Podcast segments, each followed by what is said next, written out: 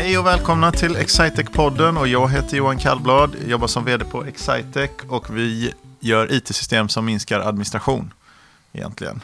Försöker göra kundens vardag effektivare, enklare och roligare.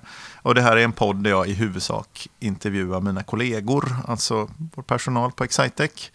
Idag har jag bjudit in Erik Lagerqvist Hej. till ett samtal. Hej, Erik! Hej. Är du nervös? Ja, lite. Så vi får väl se. Får ta försöka prata lite. Jag pratade med en kollega till dig som, som vi pratade med tidigare här.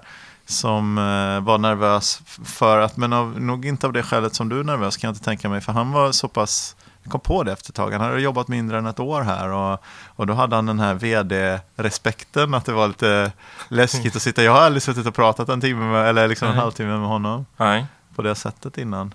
Eh, men vi har ju suttit och pratat många gånger. Ja, det har vi gjort. Det har ju blivit några år nu. Så. Ja, så jag har väldigt svårt att tro att det är det som är, att det är samtalet med mig. nej, precis. Har du varit med på podd förut? Nej, det har jag inte. Så det är första gången. Ja, det är det ja, kanske. Kanske är det, ja. Ja, just det. Du, eh, Erik, vem är du då? Eh, Erik Lagerqvist heter jag. Jag bor här i stan, i Linköping. Eh, har jobbat på Excitec i, eh, vad är det, fyra år, tror jag, ungefär. Eh, kommer väl från eh, ja, EFH-världen kan man säga. Jobbat med, med elektronisk fakturahantering under EFH, elektronisk fakturahantering. Yes. Ja. under eh, ganska många år nu tycker jag ändå. Eh, var det nio år någonting sånt? Så att jag känner väl att jag har väl hamnat där lite grann. Jag kommer väl från Ja, när jag pluggade så, så kände jag väl så här, jag ska inte jobba med ekonomi.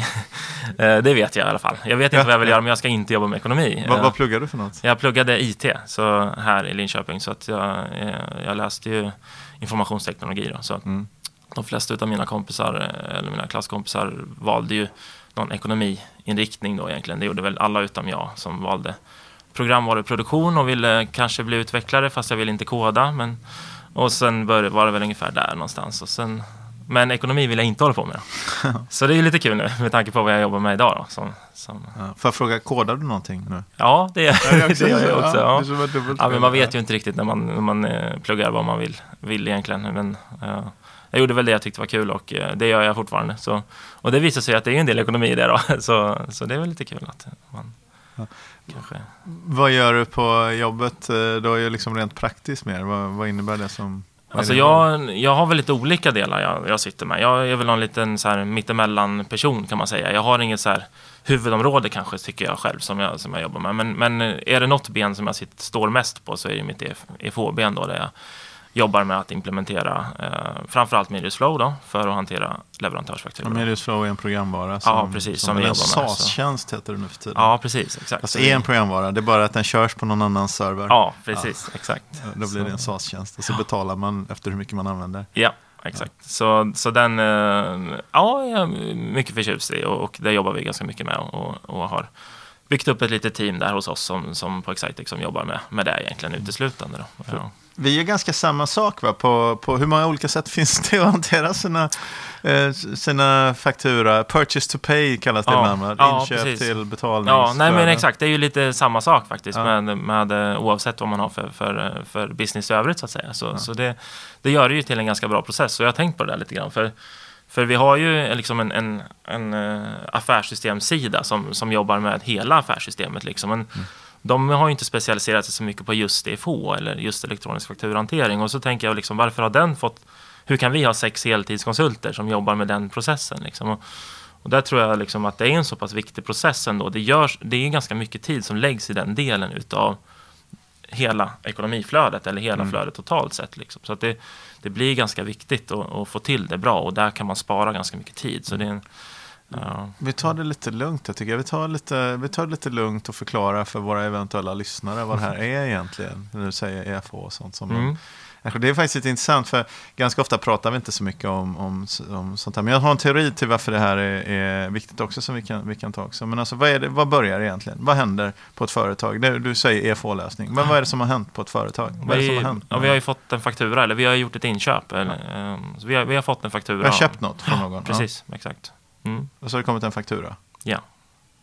På något sätt. Ja. Den kan ju vara, det kan ju vara att vi har fått ett brev, eh, eller att vi har fått ett mejl, eller att vi har fått en elektronisk faktura. Eh, i, eh, på, I något format helt enkelt. Det kan vara lite olika. Men det vanligaste fortfarande, eh, tyvärr säger jag, men är att man får dem via mejl egentligen. En, en pdf faktura. Då. Och vad händer sen då, innan man har, vad är det för något affärsproblem kring, du jobbar ju sen med en, en lösning på det, men liksom hur, vad gör man då? då?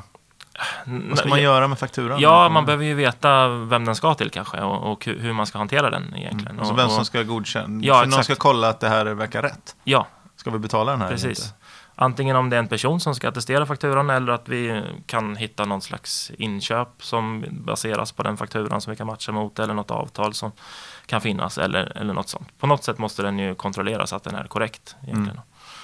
Eh, Behöver inte vara en människa, men det är ju ganska vanligt så i alla fall på de som inte har ett, inköp eller ett avtal bak, eh, i, i botten att, att de eh, attesteras utav en person. Då. Så det är ju egentligen huvudsyftet, men för att kunna göra det så behöver vi ju läsa in den här på något bra sätt. Och det, det kan ju vara eh, att man tolkar in informationen via en, ett tolkningsprogram, till exempel Readsoft som vi jobbar ganska mycket med. Då, som Så det, är- det är, Readsoft är ju till för att ta en pappersfaktura då, eller en faktura, eller pdf kanske, en faktura Ja. som inte är en e-faktura. Ja, precis. Som och göra den elektronisk. till en e-faktura egentligen. Ja, exakt. Precis. Precis, helt rätt. Mm. Så det betyder att om man kan få den i elektroniskt från början så slipper man ju det steget. Då, så då sparar man ju ganska mycket tid i, i, i den tolkningssteget där men någon annan an- annars behöver. Så vi gör om fakturorna som kommer in till e-fakturor till att börja med. Vad gör Ja. vi sen då? Sen drar vi in dem i ett eh, system som man kan hantera dem egentligen. Ja. Eh, eh, på ett smart sätt då. Eh, och, och det är just Medius ganska bra på då. Eh, så därför jobbar vi med det. Eh, Och vad är det här? Då kollar man, vad kollar man? man kollar hur, hur mycket pengar är det här då? ja, För att se vem som har rätt att godkänna. Eller säger man vems namn står på fakturan då? Ja. Ofta står det så här e-referens. Ja, exakt. exakt. Och det, det där är ju väldigt olika. Liksom. Den, där börjar egentligen vår uppgift kanske när vi har ett projekt. Då, att, att fundera ut, okej, hur ser er process ut och hur, hur vill ni distribuera era fakturor? Mm. Det, är inte, det är inte alla som jobbar med referens. Det är kanske hälften eller är det inte knappt det som, som kanske har, använder referenserna till, Mm. till det som man kanske tycker att det borde Det göra. kan vara ett projektnummer antagligen Ja, det också. kan det vara. Är, så du vet Absolut. att det ska till den här, det beror på vad det är för någon slags verksamhet. Mm. Men sen finns ju den där lilla magin, det som ni kallar för varu, ibland kallar ni varufaktura kontra omkostnadsfaktura. Alltså det är ju, Mm. en faktura är ju en faktura, men Mm. det är ju lite varu, det är ju på varufakturorna som det finns. Det, det är där man kan, ja exakt, det är där man kan effektivisera egentligen. Och, och, eh, eftersom om vi har en order i botten så har vi möjlighet att liksom, ja, vi kan jämföra den mot någonting. Vi behöver inte titta på den här kostnaden egentligen, eller beloppsmässigt. Om den, om den inte diffar mot en order som vi har så, så finns det ju ingen, då, då är det ingen som behöver godkänna den egentligen. Mm. Och det är egentligen bara diffar. Så att vi brukar säga det att, att vår uppgift är att liksom, vi, vi ska försöka att inte behöva se fakturan. Det är vårt mål. Vi ska, vi, fakturan ska gå igenom flödet utan att de behöver titta på den. Mm. Det är liksom det som är syftet. Och, och vi gör allt vi kan för att uppnå det genom att sätta upp undantag och olika toleransnivåer och, och olika verktyg för att uppnå det i så hög utsträckning som möjligt. För det är det som är liksom, eh, resultatet på hur bra vårt projekt egentligen blev. Mm. Liksom. Det, våra omkostnadsfakturor och våra, våra test är ju lite vad den är. Det är ju att trycka på en knapp någonstans. Ja, Mm. jag godkänner fakturan.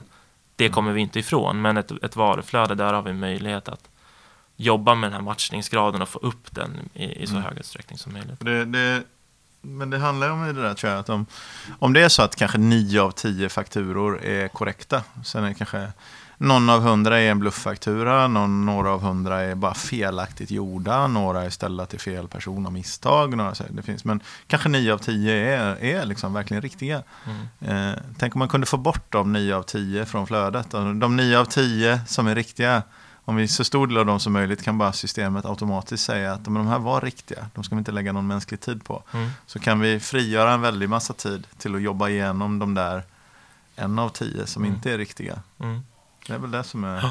Precis, och då har vi ju liksom energin till dem och vi har liksom tiden till, till dem, helt rätt. Och, och, och det vi brukar prata om att vi ska, vi ska titta på de differenser som är så pass stora så att vi tycker att det är värt att Mm. titta på dem. Och det är såklart det är olika från olika bolag. Vissa tycker att små differenser är viktiga med. Och, eller att vi har superstora kvantiteter som gör att våra diffar blir stora totalt sett. Men, men eh, det där är ju väldigt olika från bolag till bolag vad som man anser det. Hur, hur väl man eh, väger sin tid och hur, hur, mycket, hur värd tycker man sin Mm. tid är och vad ska man lägga tiden på. Så Mm. det, det är olika. Men det, det är viktigt att ja, eh, och kunna justera det, Mm. tror jag, och kunna mäta det framförallt. Hur många kör du fortfarande med papper tror du? Så här, för, för det var det gamla sättet, för det finns ju flera nivåer liksom. Det gamla sättet att göra fakturor på, det var ju att man satte en stämpel på dem Mm. och sen så skickade Mm. man runt dem. Och sen förhoppningsvis så fick man tillbaka dem till ekonomi som betalade leverantören och så vidare. Mm. Så det är ju ganska van, alltså, Eh, ganska ofta när vi implementerar så, så, så dyker vi på att de har kört så innan de byter till, till Mediusflora till exempel. Så, så att det, det är fortfarande ganska vanligt tror jag att man, att man kör så. Och, och, eh, det finns, de flesta casen vi är på är ju sådana som, som jobbar eh, eh med befintliga liksom, alltså byter ut en manuell process mot, mot det här systemet. Det är vanligare än att man går från ett annat EFO-system till, till ett till Mediusflow skulle jag säga. Mm, ja, okej. ja. Mm. För, för, sen, för det känns som det var ju första i liksom generationen att få, att få till, att slippa pappret och Mm. få till arkiveringen bättre. För Mm. arkivering i pärmar av gamla fakturor och sånt är ju inte heller så härligt. Nej. Och för när någon ringer och frågar, du jag skulle vilja se totalt sett, vad är det som vi har, vad är det som vi har köpt in från leverantör A de senaste två åren? Och så får man liksom, så får man hoppas att man har sorterat sina pärmar på, på leverantörsnummer och inte Och på verifikat. Ja, precis. nummer. det får Exakt. man ju göra. Ja. Då får man bläddra lite. Eh, Mm. Så det är att läsa den delen, det var första steget. Men jag känner som det som har hänt, tycker jag, de senaste åren, det är ju att det har gått mer mot automation. Och det här är ju en sån här, ofta på något sätt en enkel seger i digitaliseringsracet. Liksom. Vi pratar ju mycket Mm. om digitalisering på den där höga nivån. Mm. Liksom Mm. Att förändra allt och det blir nytt. Men om vi kan säga men om digitalisering också är att bara ta, ta arbetsuppgifter som inte är nödvändiga. Om Mm. vi kan ta bort dem och inte lägga tid på dem så kan Mm. vi istället lägga vår tid på arbetsuppgifter som är nödvändiga att ha Mm. en människa till. Och det det är väl där vi... För det har blivit ett uppsving, åtminstone för oss, väldigt stort uppsving på den här typen av, av, eh, av systemleveranser. Mm, absolut, och det, det är därför det liksom är lite lätt. Alltså, kommer man från en manuell process då, då, då räcker det med egentligen att skruva in Mediusflow så får man ganska bra effekt på, på det. Liksom. Och, och, och sen går det att göra ganska mycket, men, men, men det är ju såklart en viktig del i det. Att, att kunna ja, veta alltid vad fakturan är i, i hela processen, liksom. att, att, i hela flödet. Så, att, så det, det är otroligt viktigt. Så, så att, eh, ja, men det, eh, Men det är coolt sen när man kan liksom automatisera. Hur är det med kontering förresten? Görs det automatiskt nu för tiden? ja, det kan det så göra. är Absolut. redovisningen kopplat till en. Ja, alltså man kan ju välja där också göra lite, så det beror ju på vad man har för, för underlag egentligen. Vi har case där vi, där vi kan läsa kontering från fakturan då. Att det står ett projektnummer på fakturan eller en ibland fullständig kontering också för den delen. Att, att man får leverantören att spesa det och då, och då kan man läsa in det i samband med att man tolkar in fakturan och får den förkonterad och det är klart, då slipper man sitta med det och det är ju ett ganska effektivt sätt. Och annars jobbar man ju ofta med eh, konteringsmallar eller att man sätter upp på leverantören att en sån här en Telia-faktura ska alltid konteras på det här kontot eller, eller ska Mm. se ut så här. Och, så Är där du- kan man, Har du kommit så här, är du sån som bara rabblar? Kan du liksom 3110? Nej, jag brukar- 3110 nej, och 4110, jag brukar liksom försöka, jag kör mitt standardkonto 50-10 liksom. Alltid. Så att jag är inte en sån, det brukar de säga till mig att ja, du har inte jobbat på en ekonomiavdelning. Nej, det har jag inte För du kan det, inte det alla. vet jag att jag inte har liksom. Det, så, nej, jag, jag kör på mitt standardkonto. Det, det, jag tycker det är lite sak samma vilket konto det blir på. Jag vet att det inte är så, men jag känner att det inte är. Nej, För redovisningen mig är inte det så viktigt Nej. vilket konto det blir på. Nej, det. Du, e-faktura tycker jag, det, det, det är ju en eh, debatt och diskussion som eh, delvis är rätt. Men det, ibland kan man, för en del verkar tro att e-faktura löser de här problemen, men det gör ju inte det. E-faktura löser ju bara den första delen, Mm. tolkningsdelen. Mm, exakt. För visst, det är bra, men det Ja. finns bra programvaror för att tolka också. Ja, så, men det kostar någon krona, två, par kronor Ja. att tolka en faktura och få över, göra om den till e-faktura. Och det är ju tråkigt att lägga ett par kronor i onödan. Mm. Men det är inte livsförändrande. Nej. Så, Nej, precis. Det är, alltså jag tycker det där, det där är en int- intressant fråga. Jag liksom känner väl att vi borde varit där redan vid att alla bolag skickade elektroniska Ja, fakturor. Liksom. Jag tycker det, det, är, det är mycket trögare än vad man hade hoppats på liksom, Mm. och, och tycker att det borde behöva vara. Och, all, liksom alla moderna ekonomisystem kan ju skicka Ja. elektroniska fakturor och har Ja. kunnat ganska länge. Mm. Och jag menar, det kommer ju liksom regler utifrån som säger att ja, men i Norge så har man ju behövt skicka elektroniska fakturor ganska länge mellan or- organisationer. Så att jag tycker att det, det, det borde vara något liknande. Liksom. Mm. Så att ja, man, man tycker att det borde ha kommit längre. Det är ganska få utav våra implementationer där vi har en stor del elektroniska fakturor Mm. fortfarande. Och, och, och det är så att pdf-hanteringen, alltså inläsningen utav mejlfakturor är fortfarande otroligt stor. Det är, finns inget bolag som inte får in sådana fakturor också. Eh, Jag ja. tror det finns två saker med det där som är lite hindrande. Det ena är det rent, för man har ju pratat om att man lagstiftningsmässigt skulle kunna säga att om, mot public-sektorn, liksom kommuner, landsting, stat, Mm. så, så, eh, så måste du skicka, det kunde de bara implementera, det måste vara e-faktura. Men då är man rädd för att det ska tvinga bort eller bli konkurrenshämmande för småföretag som inte har det. Vilket väl inte riktigt stämmer tycker jag heller. Men, men det har man sagt, det är den ena grejen då, att man inte vill lägga något konkurrenshämmande där. Och den andra är att faktiskt det fanns en tradition, finns en tradition som är ganska stark i Sverige, att man ser fakturan som en kommunikationskanal. Där man liksom, Mm. s- s- liksom lägger in eh, annan information och erbjudanden. Och man passar på, det här är ett brev som någon ska titta och öppna på. Då vill man säga massa andra saker. Mm. Men där alla, alla företagare som gör det här, lite ut i etern här, det är ingen som läser dem där längre. Så ni kan faktiskt sluta med det. Ja. För det är faktiskt ingen som läser den informationen längre. Nej. Så, så, men det, jag tror det finns en, det finns en tradition där, du vet hur, speciellt som Mm. privatperson, när du får fakturan från Tekniska verken, så står det ju en väldig massa Alltså jag får in den i min sån faktura i en digital brevkorg och, Mm. och, och, och liksom betalar den. Men de fortfarande så skriver de ju fyra sidor av någonting som jag inte läser. Ja, precis. Eller att en tele, Tele2-fakturan är blå eller vad den är. Alltså det att det är lite Ja. åt olika färger och vissa Ja. så här. Ja. Faktura-layout. Ja, och det försvinner ju tyvärr med e-fakturor. Ja, då, det är ju svårt. Det är därför de gärna gör, drar ut den på pdf så den är likadan. Ja. Fast vi egentligen bara, vi vill ju slänga, vi vill ju ta ut den informationen som handlar om betalningen och vad det var du skickade och, Mm. och betalningen, så vi slänger vi allt annat. Mm. Det är det som är det viktiga ja, för att få en effektiv, effektiv process. Ja. Ja, det där är lite spännande. Jag tror de kommer skratta om så snart som om 15 år Mm. kommer folk skratta åt hur man försökte kommunicera produkterbjudanden på fakturan. ja, precis. Det är eh, ganska old school tanke. Ja. Mm. Eh, du, eh, så här är det Erik, att vi gör ett segment på den här pod- podden som, är att, eh, någon, som heter Någon berättar om något. Nu har du Mm. berättat om något här, Mm. grann, hur, hur flödet. Men någon berättar om något och då får man berätta om vad man vill och välja ämne själv. För det här ämnet fick du inte riktigt välja det förra, vi bara Nej. hamnade där. Har du någonting ämne som du, är det något som du nördar ner på eller något som engagerar dig? Alltså jag, jag är ju lite frälst för det här med, med paddeltennis nu då. Eh, Ah, paddeltennis. Ja, har jag gått och kärat ner mig i något oerhört eller vad man ska säga. Ja. Jag kommer ju från en liksom eller jag har ju spelat lite tennis så, inte, inte professionellt på något sätt. Eller inte som, inte som att jag är sån här junior som, som när jag var barn spelade tennis så att jag växte upp med det. Utan jag tycker, jag, jag fick aldrig spela tennis när jag var barn. Men, utan har, har väl börjat göra det när jag har blivit vuxen. Och jag tycker racketsport är väldigt roligt. Och har väl alltid försökt spela tennis och tycker väl att det eh, varit som regelbundet så. Kanske under två års tid. Um, men känner väl så här, men ja, man kommer ju till en viss nivå, men man blir ju inte Roger Federer liksom. Så är det ju. Det kommer man ju aldrig bli och det är väl kanske inte syftet heller, men man måste komma till ett läge där det är Det är ju väldigt få som blir Roger Ja, Federer. absolut. Och speciellt när man kanske börjar när man är Nadal då, 20. som möjligen. ja, man har ju kanske lite svårt när man börjar för sent. Men, men eh, jag tror att eh, liksom för att spela tennis så behöver man komma till en viss nivå för att det ska bli riktigt roligt och för att Ja. man ska få ut dels träningsmässigt men liksom för att det ska bli en, en och man måste hitta en, en motspelare som är ungefär lika bra annars så blir det svårt liksom, att få till någon vettig match. Och då eh, ja, hittade jag paddeltennisen för två år sedan kanske. Eller ett år sedan kanske var. Men där som löser mitt problem liksom. Som gör, det blir lättare att spela. Eh, det, eh, tyvärr behöver man ju ha fyra då. Det är ju lite svårare. Det räcker inte med två. Men, Man kan eh, aldrig spela två mot två. Nej, så det, det blir för svårt. Den blir för bred, banan liksom. Så det, det blir för svårt. Så att man behöver ha fyra.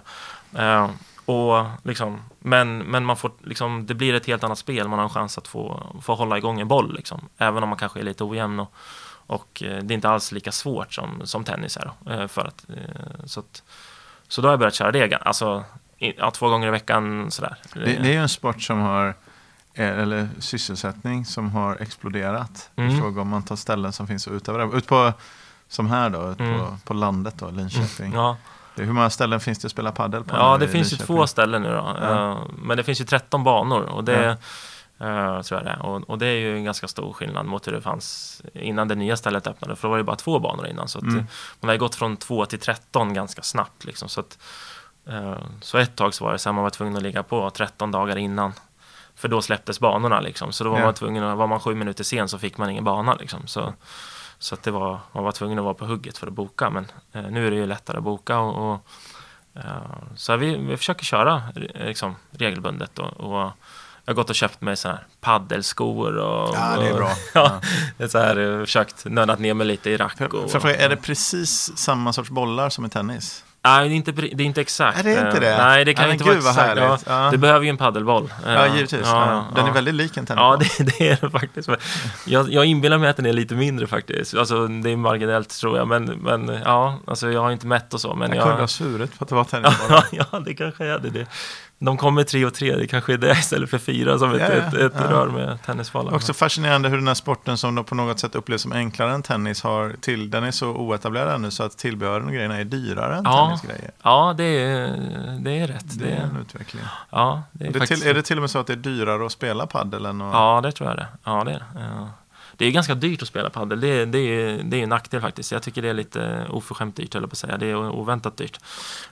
Men, ja det, det är ju mycket roligare å andra sidan, så det är väl därför som det, de kan ta betalt fortfarande. Vi hade, för en paddelbana är ju ändå mindre än en tennisbana. Det är mm. det halva storleken eller? Det ja, mindre? inte riktigt, men ja, den är väl mindre i alla fall. Men den, den tar ju ganska mycket plats med buren och allting runt omkring. Ja. Så det, det är lite så MMA-stil ja. på den där buren. ja. Tror du den estetiken kommer därifrån? Ja. Att du ska känna att det är, det är lite crossfit, MMA, paddel. Ja, sen är det ju glas liksom, så det är inte riktigt samma. Men eh, ja, kanske. Det är inte nätet, eller gallret eller man ska säga, som jag tänker är lite samma som MMA. Stuket är ju mer på är bara en del av det. Annars är det ju glas. För man ska ju kunna studsa bollen mot, mot väggen. Liksom, men, att, men liksom, tennisbanor finns ju ute liksom, i förorterna. så finns det ju gamla tennisbanor som inte används speciellt mycket i regel också. Det är väl från när tennis var som störst, liksom, mm. tidigt 80-tal eller någonting. Mm. Och villaområden som är från den perioden, de har ju ofta tennisbanor. Mm. Uh, ute. Men, men paddelba, så här, publika paddelbanor som man bara kunde gå in och lira på, det finns inte någonstans? Eller? Det är bara en tidsfråga vet du, innan det kommer. Det, ja. Ja, men jag tror att det... Men kommer inte det falla då, konceptet att ha liksom ett Nej, jag har sett det utomhus paddelbanor och så Ja, det finns, okay. ja, jag vet, eh, Örebrogänget var och körde paddel ute såg jag någon gång yeah. från Excitex. Så, eh, så det, det finns det. Så, att, men, så, så det, det, är klart, då kan man ju slå väldigt höga bollar då, om man inte har något tak att ta hänsyn till. Liksom. Mm. Men, men ja, så det... Och nu ska jag köra nu ska jag börja köra seriespel nu på, oh, på måndag okay, faktiskt. Här. Ja. Går in i division 5 här, så jag satsar hårt där nu och, yeah. börjar från botten. Och, men, och, men det spelar man som lag då? Ja, exakt. Ja. Så då är man ju bara två. Så, yeah. så, så man spelar har, har du någon bra? Ja, jag har en bra ja. teammate där som jag, som jag ska teama upp. Vi ska träna idag faktiskt och ja, prov, okay. provspela får vi se. Men eh, ja, nej, men det och framförallt, liksom, innan har jag bara latchat runt med olika, samspelat med olika partners då, men, men nu ska vi verkligen försöka gå in och bara han och jag, då, ska, då man ju, kan man ju faktiskt träna lite mer och kanske stå på samma sida varje gång och så här liksom få, mm. Då tror jag det blir ett annat spel också, för då har man en chans att och, och spela ihop sig. Spela ihop sig ja. Mm. Men tror du att det är en sån sport som liksom kommer locka mycket, mycket liksom, locka fram mycket känslor? Det är en sån här, en sån här kampsport, alltså inte kampsport är det naturligtvis men du vet, en sån, finns ju vissa sporter kan man ju spela mer avslappnat, så finns det ju vissa sporter som är eh, locka till den där kampen? Alltså det, det, blir ju ganska, det är ganska intensivt vid nät. Liksom. Det är ganska tajt. Mm. Liksom. Om man jämför med tennis där man står två mil ifrån varandra, mm. eller en bit ganska långt ifrån varandra, så, så är det ju lite mer, alltså det behöver ju vara ganska snabb. Det är en ganska snabb sport ändå, men du har alltid en chans att hämta upp. Liksom. Det är det som jag tycker är det fina med padel. Att du kan spela aggressivt, men sen kan du alltid släppa bollen och ta den på liksom, tillbaka studsen. Mm. Säga. Så det går ju den dynamiken finns ju inte på tennisen på samma sätt. Missar du så missar du liksom. Och det, nej, jag tycker det är en ganska kul sport faktiskt. Mm. Så jag kommer nog inte sluta spela paddel när liksom när flugan har liksom äh, lagt sig. Så. Tror du kommer bli mer banor? Uh, Ännu innan? Eller har det Nej, jag tror att, än, det är, alltså, att, att, gå från 2 till, till 13 det är ju ett ganska stort steg. Och, och, och, syftet med det var väl att de skulle bli störst i jag vet inte, Norden eller jag vet inte, men alltså, det fanns en anledning till att just välja att bygga 11. För att innan fanns det inte ett ställe som hade 11 eller hur det nu var. Det. Så, att, så att det kanske var lite väl, men jag, jag tror att de har en del, uh, det är ganska nyöppnat, men de har ju en del uh, besökare. Så att, så att jag, jag hoppas ju att de blir kvar. Och att Ligger du och liksom tänker på paddel och hur du ska spela hur du ska springa? Ja, men det, alltså det, det kan man ja. göra och, och liksom kolla på en del matcher och sådär. Hur man kan spela och sådär. Så, alltså titta på ja, YouTube? Ja, precis. Ja. Så det, och vi pratar mycket padel liksom så här, och, så det, det tror jag vi nördar ner oss lite i faktiskt. Men Men eh, ja, jag tycker det är kul. Ja, har man speciella kläder och sånt också? Uh, nej, jag har, har, inte det i alla fall. Jag, nej, det tror jag inte man har. Uh, det är ju, eller det är väl det som tennis typ. Alltså, det har man väl inte där heller, men det finns klart, det finns Uh, Traditionen var ju vita kläder. Liksom, ja, precis. Exakt. Det är väl inte riktigt på samma sätt, uh, tänker jag. Uh, så, så, tycker jag väl inte. Men man har ju ett speciellt rack och, och, speciella skor då, egentligen, som egentligen är tennisskor, uh, grustennisskor. Så, yeah. tänker jag. Så det är väl ingen... Men på mina står det paddel. Det, det, det, ja. ja, det är inte bara skräp som helst. Nej, precis. Exakt. Vad får man ge för ett paddelrack nu då? I... Ja, alltså ska man ha ett bästa. vettigt så ja. ska man väl ha, det är väl minst 3000 i alla fall tror jag. 3000 kronor? Ja, ja det tror jag. De där små? Ja, ja exakt. Så det är ju... Sen tänker man att då kanske man kan ha dem, alltså det, man behöver inte stränga om dem som ett tennisrack och så, men det, men det känns ju ändå den ja, hårda biten av plast eller vad det är. Som liksom. en träbit. Ja, precis. Känns... Man har borrat ut lite hål i. Ja, exakt. exakt. Det känns lite... Ja. Så, men, men vilka, som sagt, det är kul. Då. Vilka spelare är, är, är, det liksom, är det några prispengar och sånt? Oj, det vet jag faktiskt inte. Eh, det är väl ganska stort i andra länder, men i Sverige är det väl inte jättestort ännu. Men, men, eh, men, på kontoret är det ganska stort. Vi är ju ett, ett par som, ja, som kör, så det, det, tycker jag är kul. Och, och, ja, vem är bäst då? Ja, det, jag är ju bland de bästa. Det är, alltså, det, är, det är klart att det kanske har med saken att göra. Det blir ju ganska roligt då. Men vi är ju vi är ett gäng som kör och som, som tycker att det är kul. Och, och och lira. Så det är ju roligt att, att, få. Vi har haft några, några dagar där vi har kört tillsammans och, och varit kanske åtta pers eller något sånt där. Så det är mm. kul när man kan få ihop lite, lite ja. folk. Mm. Det är intressant. Ja, vi har gjort det. Jag har ju varit två gånger har vi spelat det på någon form av after work ja, eller något som jag, som jag har varit med på i alla fall.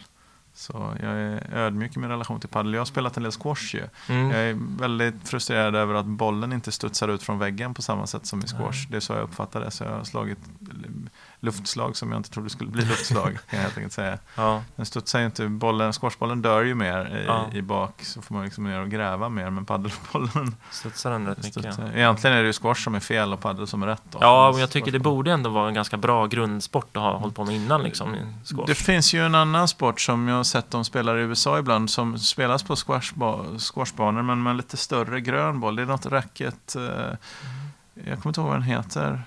Kan det heta racket bara? Nej, jag vet inte. Det finns en annan sport som är lite lik. Mm. Med bollar som studsar ut och som är... Ja, det såg som, jag på, på Youtube också. Ja, mm. Men jag tror inte det är något som finns i Sverige. Men det finns någon likhet mellan de här mm. sporterna tror jag. Ja. Du, eh, om vi ska gå tillbaka till eh, det här bolaget då, Excitec. Om du fick ändra någonting. Något tips till mig här? Som vd, vad skulle du vilja ändra? När, jag, när jag började jobba på, på Excitec så, så tyckte jag att det viktigaste, eller jag tyckte det var en sund, och det tycker jag fortfarande att det är en, en sund, liksom, man har en sund inställning till, till ens arbete och till ens tid man lägger ner. Jag jobbade på ett bolag innan där jag jobbade kanske lite för mycket och, och, och kom från en situation där jag hade svårt att liksom skilja på jobb och fritid lite grann. Jag jobbade ganska hårt. Då. Och det tycker jag att man har. Man har en, en liksom, eh, flexbank och en möjlighet att, att, begränsa det där. Men det tycker jag man kan jobba ännu mer med. Det är väl det som jag tycker man kan, liksom, ska man göra någonting så tror jag att man, man kan eh, hjälpa varandra mer eh, mm. in, inom bolaget till att, att ha en mer, liksom, det är lätt hänt att man börjar jobba med... ut belastning mellan personer? Ja, precis, ja. exakt. Och det, blir, ja. det går ganska ja, det är lätt hänt att man, det är, man har ju så roligt. Alltså, jag, är så, tycker fortfarande att det är otroligt kul att, att arbeta och jag älskar mitt jobb. Men det blir ju att man då kanske jobbar mer än vad man kanske borde. Och, och, och eh, där tror jag att man kan hjälpa varandra och mm. hitta en bättre, bättre, sundare. Och det, det tycker jag att vi är bra på, men jag tror att vi kan, ska inte glömma bort det. Nej. Jag, ja. Nej, det är jätte... För vi har ju inte... Vi, vi, liksom, man tittar ju på totalen ganska noga, att inte överbelasta totalen. Men sen är det mellan, den här utjämningen mellan individer och på mm. vilken nivå.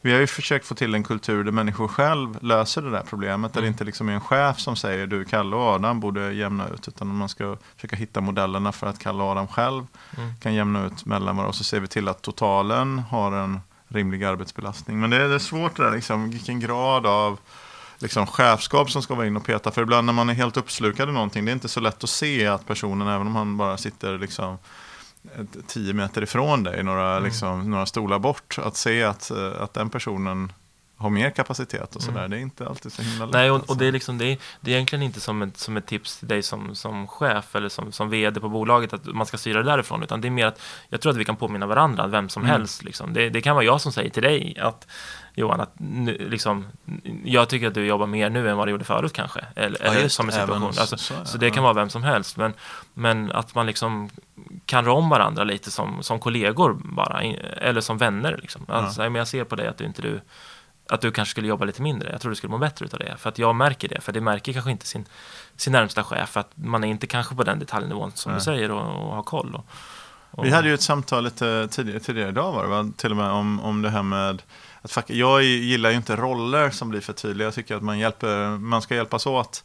Liksom. Så att det, vi hade ju en skön övergång, du var inte med då, men vi var uppe i köket och försökte fixa fredagsfika. Så jag, satt, jag hade haft en intervju och jag Mm. behövde ha ett eh, ord med Emma, vår personalchef, om, om det. Och hon stod och skivade melon. Eh, och då, då var det som att jag tog jag växlade ord med henne, sen fick jag skicka in henne till eh, min intervju och så fortsatte jag med melonskivandet Mm. och sen kom eh, Emma Andersson och upp och så hade jag fått ett besök och då, sa, då tog hon över melonskärandet från mig som gick vidare till, det var så här lite flow vi hade där. Ja. Där det inte var så här, ja men det är du som, är, det är du som har till jobb att skiva melonen Ja. idag till frukosten. Ja. Utan det, Mm. det, är liksom, det blev väldigt naturligt sånt eh, sånt flöde där som jag tycker Mm. var lite snyggt. Så jag vill liksom, sen har man inte, man kan inte göra saker som man inte kan, men, men man kan ofta, det finns i någon nivå eh, som man liksom dels både kan, man kan hjälpa varandra och man kan göra saker i en viss, i en viss nivå. En person som är projektledare kanske faktiskt kan utveckla och är det så att vi har mer utvecklingsbehov än projektledningsbehov så är det skäligt att Mm. projektledaren gör utvecklingsjobbet. Mm. Och att försöka hitta en kultur där vi, där vi liksom eh, hjälps åt sådär. Mm. Det, det är en, en sak, men vi kan göra det ännu för ibland så har organisationen en tendens att vilja fucka in sig och fucka in roller och skapa roller. Alltså, men nu är vi egentligen bara en grupp människor som försöker lösa viktiga problem för våra kunder tillsammans Mm, och ta ansvar för dem. Mm. Liksom.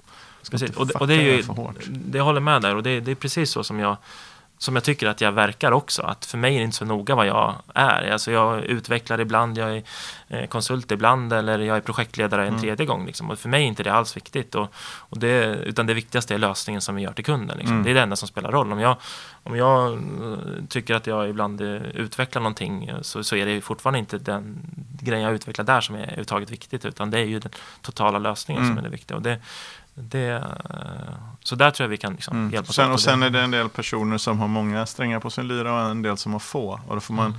hjälpas åt med att som se till att de personer med få strängar får mycket av sådana arbetsuppgifter och de med många de kan spela bredare. Mm. Och alla vill ju inte liksom ha vä- väldigt brett och många Nej, grejer. är Utan olika. vissa vill ju vara ganska smala också. Så det där får man ju hitta. Liksom. Det är olika från olika personer. Ja. Ha, har vi glömt att prata om någonting Erik? Eh, nej, det tror jag. nej. Nej. Tror Istället för så skulle vi kunna ta och runda av med det där. Ja, Ja, men eh, tack för det här samtalet. ja, tack. Mm.